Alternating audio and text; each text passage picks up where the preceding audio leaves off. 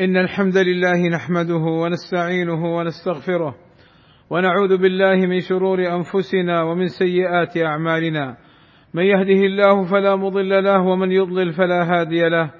وأشهد أن لا إله إلا الله وحده لا شريك له. وأشهد أن محمدا عبده ورسوله. يا أيها الذين آمنوا اتقوا الله حق تقاته ولا تموتن إلا وأنتم مسلمون. يا أيها الذين آمنوا اتقوا الله وقولوا قولا سديدا. يصلح لكم أعمالكم ويغفر لكم ذنوبكم. ومن يطع الله ورسوله فقد فاز فوزا عظيما.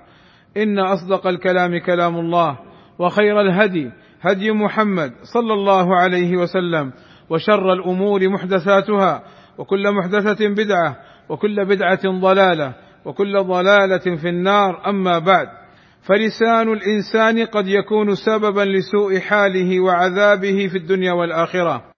قال سفيان الثقفي رضي الله عنه قلت يا رسول الله ما أخوف ما تخاف علي. فأخذ صلى الله عليه وسلم بلسان نفسه ثم قال هذا. وذلك أن أكثر خطايا ابن آدم من لسانه. وقد أخذ ابن مسعود رضي الله عنه بلسانه فقال يا لسان قل خيرا تغنم واسكت عن شر تسلم من قبل أن تندم. ثم قال ابن مسعود رضي الله عنه سمعت رسول الله صلى الله عليه وسلم يقول أكثر خطايا ابن آدم في لسانه وذلك أن كل ما يتكلم به الإنسان مكتوب. قال تعالى ما يلفظ من قول إلا لديه رقيب عتيد. فكل واحد منا له ملكان أحدهما عن اليمين يكتب الحسنات. والآخر عن الشمال يكتب السيئات. وإن من خطورة اللسان ما يقع منه من أذية إخوانه المسلمين. قال رسول الله صلى الله عليه وسلم المسلم من سلم المسلمون من لسانه ويده لذا حرم الإسلام الغيبة والنميمة حفاظا على المجتمع المسلم من التفكك والضياع وحفاظا على رباط الأخوة من الانقطاع. والغيبة هي أن يذكر الإنسان عيب غيره من غير سبب شرعي إلى ذكر ذلك. قال صلى الله عليه وسلم أتدرون ما الغيبه قالوا الله ورسوله أعلم. قال صلى الله عليه وسلم ذكرك أخاك بما يكره. قيل أفرأيت إن كان في أخي ما أقول؟ فقال عليه الصلاة والسلام إن كان فيه ما تقول فقد اغتبته وإن لم يكن فيه فقد بهته. والغيبة محرمة بالكتاب والسنة والإجماع. قال تعالى ولا يغتب بعضكم بعضا أيحب أحدكم أن يأكل لحم أخيه ميتا فكرهتموه؟ واتقوا الله إن الله تواب رحيم. فضرب الله عز وجل مثلا منفرا عن الغيبة حيث شبه المغتاب بمن يأكل لحم أخيه وهو ميت. مما يدل على التحذير الشديد من الغيبة وأنها من الكبائر قال صلى الله عليه وسلم إن من أكبر الكبائر استطالة الرجل في عرض رجل مسلم بغير حق والاستطالة هي احتقاره له والوقيعة فيه وذكره بما يؤذيه أو يكرهه والغيبة أحد أسباب عذاب النار. قال صلى الله عليه وسلم لما عرج بي مررت بقوم لهم أظفار من نحاس يخمشون وجوههم وصدورهم فقلت من هؤلاء يا جبريل؟ فقال هؤلاء الذين يأكلون لحوم الناس ويقعون في أعراضهم. عباد الله إن الأخوة الإسلامية تستوجب على المسلمين أن يحفظوا ألسنتهم من الوقوع في أعراض إخوانهم. قال صلى الله عليه وسلم المسلم أخو المسلم لا يخونه ولا يكذبه ولا يخذله. كل المسلم على المسلم حرام. عرضه وماله ودمه. التقوى ها هنا. بحسب امرئ من الشر أن يحتقر أخاه المسلم. وتستوجب الأخوة الإسلامية الذب والدفاع عن عرض أخيك المسلم. ولك عند الله الأجر والثواب العظيم. قال صلى الله عليه وسلم من رد عن عرض أخيه رد الله عن وجهه النار يوم القيامة. وإذا اغتبت أخاك المسلم فسارع بالتحلل منه في الدنيا قبل أن يأتي يوم يكون التحلل فيه بالحسنات والسيئات. فاحفظوا عباد الله ألسنتكم. واحذروا الوقوع في الغيبة واشتغلوا بما ينفعكم.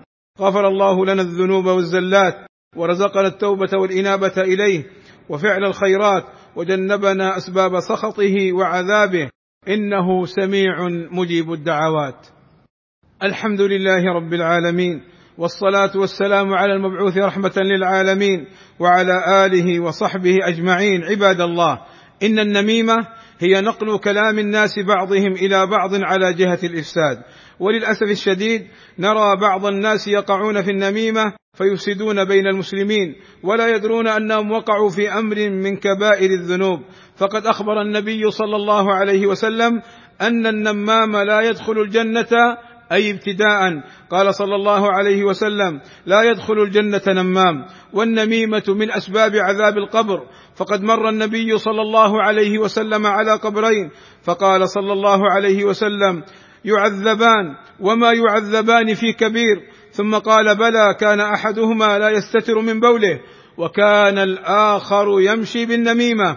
عباد الله من حملت إليه نميمة فعليه أن لا يصدقه لأن النمام فاسق. وأن ينهاه عن ذلك وينصحه ويقبح له فعله وأن يبغضه في الله بخلاف بعض الناس يحب من ينقل له الأخبار وأن لا يظن بأخيه الغائب السوء وأن لا يحمله ما حكي له على التجسس والبحث عن ذلك وأن لا يقع في النميمة فينقل للناس ما نقله له النمام فيفسد بينهم. عباد الله إن الله وملائكته يصلون على النبي يا أيها الذين آمنوا صلوا عليه وسلموا تسليما. فاللهم صل على محمد وأزواجه وذريته كما صليت على آل إبراهيم وبارك على محمد وأزواجه وذريته كما باركت على آل إبراهيم إنك حميد مجيد. وارض اللهم عن الخلفاء الراشدين أبي بكر وعمر وعثمان وعلي وعن جميع أصحاب النبي صلى الله عليه وسلم والتابعين لهم بإحسان وعنا معهم بمنك وكرمك. اللهم آتنا في الدنيا حسنة وفي الآخرة حسنة وقنا عذاب النار. اللهم اغفر للمسلمين والمسلمات والمؤمنين والمؤمنات الأحياء منهم والأموات. اللهم فرج همومنا واكشف كروبنا ويسر أمورنا. اللهم وفق ولي أمرنا الملك سلمان بن عبد العزيز وولي عهده الأمير محمد بن سلمان لما تحبه وترضاه وأصلح بهما البلاد والعباد واحفظهما من كل سوء. اللهم أيدهما بتأييدك ووفقهما بتوفيقك وأعز بهما الإسلام والمسلمين والصلاة والسلام على المبعوث رحمة للعالمين وعلى آله وصحبه أجمعين والحمد لله رب العالمين